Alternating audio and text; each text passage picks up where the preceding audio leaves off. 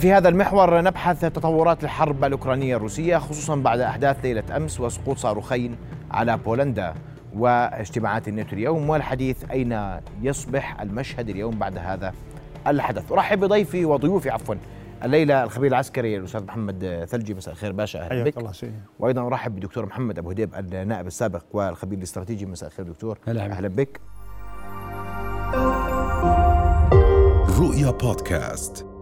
أبدأ منك باشا وأنا بدي أسمع عسكريا منك كيف نقرأ تطورات المشهد اليوم انسحاب من خريسون قصف لبولندا تبادل اتهامات واجتماعات للناتو والحديث انه الأمور تتصاعد تتقلص. اولا مساء الخير لك سيدي وللإخوة المشاهدين على قناة رؤيا. آه، حقيقة المشهد في أوكرانيا يبدو الآن يعني آه، يشوب الكثير من التعقيد ويشوب الكثير من التدخلات وأصبحت أوكرانيا كما نعلم جميعا ساحة لإدارة الصراع الدولي. وهذا ربما مشاهد وملاحظ بشكل كبير جدا.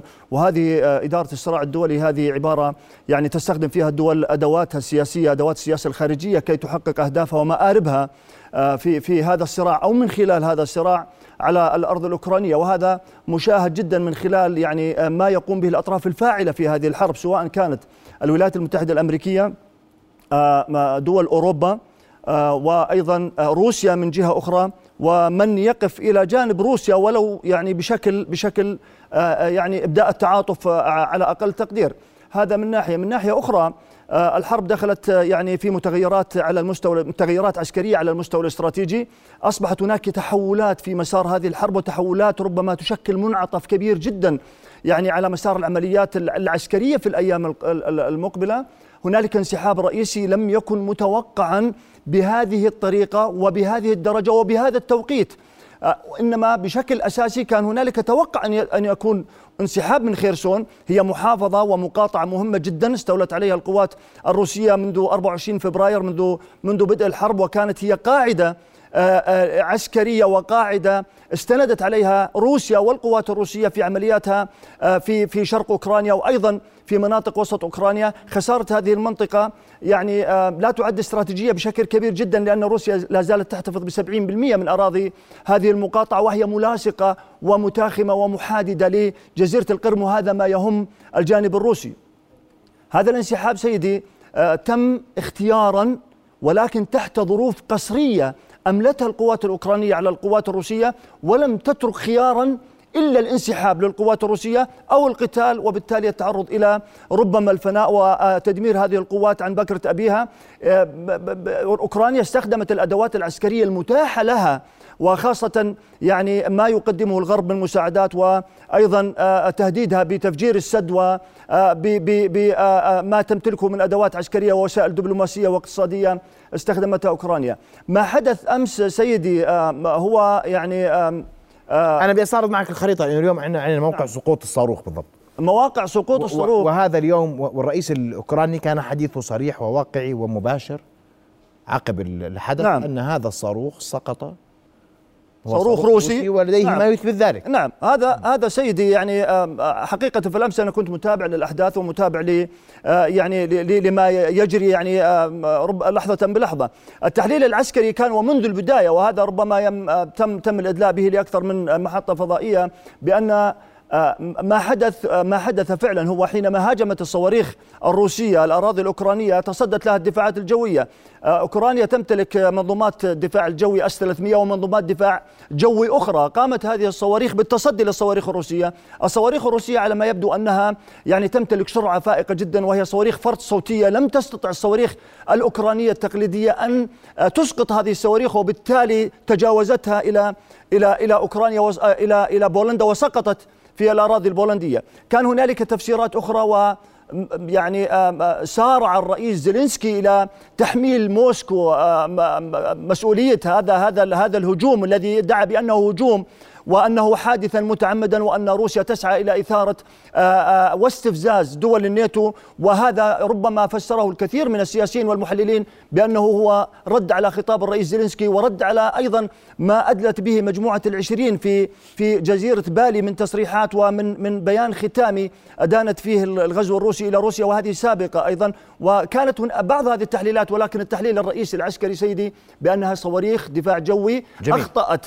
آه، آه، أهداف أهدافها صاروخيه فسقطت في بولندا في هنا في بولندا. هنا دكتور آه، محمد الحديث أن التطورات السياسية إلى اين تتجه اليوم هناك حديث عن طلب أمريكي من أوكرانيا لمفاوضات نعم. سرية آه، تحت الطاولة ان صح التعبير مع الروس لإنهاء نعم. الازمه هناك حديث بأن روسيا لن تنسحب وانسحاباتها هي انسحابات استراتيجية سياسية عسكرية دراسة منطقة اليوم فترة شتاء ستشهد ركود الحديث عن نعم. وقف العمليات العسكرية في خلال كأس العالم وقف العمليات العسكرية بمناسبة الأعياد. كل ذلك حاضر على الطاولة اليوم. شوف يعني هو الحرب لن تنتهي عسكريا يعني هذا واضح تماما إنه الحرب لن تحسم عسكريا.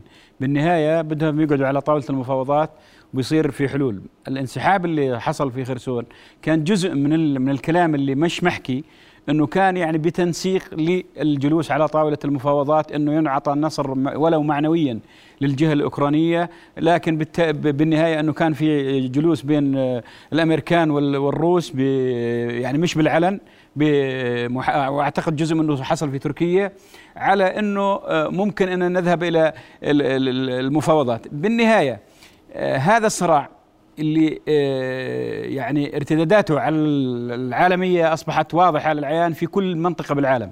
سواء كان في أمريكا والانتخابات يعني جزء من الحملة الانتخابية اللي تجري في أمريكا الآن صارت الحرب الأوكرانية الروسية لأنها تنعكس على المواطن والتضخم وغلاء المعيشه وشيء أيضا الشتاء القادم على أوروبا على الرغم من كل الحديث اللي يحكى إنه الأوروبيين آه، استطاعوا إنهم يحطوا مخزون من الطاقة لحماية آه، مواطنيهم. أنا أعتقد إنه راح يكون الشتاء حاسم في هذه المرحلة لأسباب اقتصادية وأنت تعرف هاي دول ديمقراطية يعني مهما يحكي السياسيين وبالعلن وإشي وهذا لكن بالنهاية الشعوب هي التي تحسم هذا الأمر. بكرة إذا الشعوب زاد التضخم ما لقيوا تدفئة ارتفعت الأسعار وإشي هذه دول ممكن تنقلب على ال- ال- الرؤساء اللي موجودين هناك ديمقراطيا وبتتغير المعادلة. فلذلك الكل الآن يبحث عن مخارج وعن حلول سياسية ل- لهذه العملية. وأنا أعتقد إنه بالنهاية مهما تسمع من من من كلام ومن تصريحات يعني عنيفة. طبعا الرئيس الأوكراني أنا بحكي لك اليوم لو توقف الحرب بده أكثر من 20 سنة ما يقدر يرجع أوكرانيا زي بداية الحرب. البنيه التحتيه مدمرة عنده بالكامل وكل اللي تسمعه هذه البروباغندا الإعلامية اللي يدوروها الغرب هي ليست هي الواقع على الأرض. الروس امبارح بعد الصاروخ هذا اللي, اللي انحكى عنه كانوا ضاربين أكثر من 150 صاروخ دمروا أكثر من 30% من الطاقة والمخازن ال- ال- الاستراتيجية للوقود عند ال- الأوكران بدون يعني حتى ما, ما الإعلام انتبه للصاروخين هذول ما انتبه للي حصل امبارح بالضبط على الرغم إنه 7 ملايين منزل ما فيها كهرباء ولا فيها طاقة. أنت تحكي يعني عن تقريبا هذه أرقام هائلة ومرعبة في بلدان فيها شتاء وفيها آه كذا. ال- ال- الآن يعني أنا أعتقد آه، جازما أن آه، لا الناتو يريد أن ينزلق إلى حرب مع روسيا ولا روسيا تريد أن تنزلق معه لأنه الحرب بين روسيا والناتو لن تكون تقليدية. يعني مش مستحيل يعني ما راح يكون فيها طيران ودبابات زي الحرب اللي نشوفها حاليا. الحرب بهذا القوة بدها تستخدم فيها القوة النووية وهذا خيار مستبعد بالمطلق يعني. نعم، صحيح. و جميل. ال- الأزمة لن تنتهي إلا على طاولة المفاوضات. الناتو لن يدخل معركة اليوم حتى مع سقوط الصاروخين وروسيا نفت وسارعت النفي نعم. لسقوط الصاروخين لكن الكل, الكل يتحدث اليوم أن روسيا تحت الضغط أيضا عسكريا وسياسيا. تتفق تختلف. عسكريا من الناحية العسكرية عسكريا بدقيقتين روسيا, أرجوك روسيا نعم. روسيا تحت الضغط ال- ال- الكبير وضغط يعني متعدد الأطراف ومتعدد الاتجاهات وليست فقط ضغط على ميدان ميدان ال- القتال، الحرب هذه سيدي تخاض على أربع جبهات رئيسية. الجبهة الرئيسية الأولى وهي يعني كما ذكرت هو إدارة صراع وإدارة صراع على مستوى دولي ودول كبيرة وعظمى يعني تدير هذا الصراع. ال- ال- الصراع الآن له أربع أربع ساحات ال- ربما تكون الساحة العسكرية هي أحد هذه الصراعات وربما أنها ليست الساحة الأهم. آه، الحرب تدار كما ذكرت اولا هي حرب اقتصادية وحرب شعواء اقتصادية شعواء. تم يعني فرض فيها ما يزيد عن عشرة آلاف عقوبة اقتصادية على روسيا وهذا غير مسبوق آه، في في إدارة الصراعات الدولية. الدول الغربية بما فيها الولايات المتحدة استخدمت جميع أدوات الصراع وإدارة الصراع ضد روسيا وهذه سابقة لم تحدث في التاريخ. بالتالي هي تحت ضغط اقتصادي كبير جدا. الأمر الآخر هي تحت ضغط سياسي. وهذا الضغط السياسي يتمثل في محورين رئيسيين. الضغط الضغط ال- الأساسي هو هنالك تجاهل منذ بداية الحرب للمفاوضات التي جرت في في في في تركيا وتم تجاهلها من قبل الغرب بشكل عام سواء سواء أوروبا لم لم تدعم هذه المفاوضات والولايات المتحدة لم تلقي لها بالا. وبالتالي مسار التفاوض أسقط في في منتصف الطريق ولم يعد الطرفان ينظران إلى إلى إلى إمكانية التفاوض. مما يزيد من تعقيد يعني هذه الحرب ويزيد من تعقيد سبل الخروج منها وكما نسميها بالعلم الاستراتيجي و exit strategy لهذه الحرب الآن هي غير متوفرة وغير موجودة. الشروط التي يريدها زيلينسكي هي عشر شروط لن يقبل بها الروس whatsoever مهما كلف الأمر، والشروط الروسية لن يقبل بها الأوكران. لأنه يريد الاحتفاظ بما استولى عليه ويريد الاحتفاظ بجزيرة القرم ويريد أن تكون أوكرانيا دولة منزوعة السلاح ولن تنضم إلى حلف الناتو وهذا تحديد لسيادة الدولة ولاستقرارها ولسيادتها ولاستقلالها وبالتالي سيرفض الأوكران جملة وتفصيلا. الساحة الثالثة سيدي التي يخاض عليها الصراع هي الساحة الإعلامية وهي الحرب الإعلامية كما ذكرت هي حرب أيضا شرسة جدا.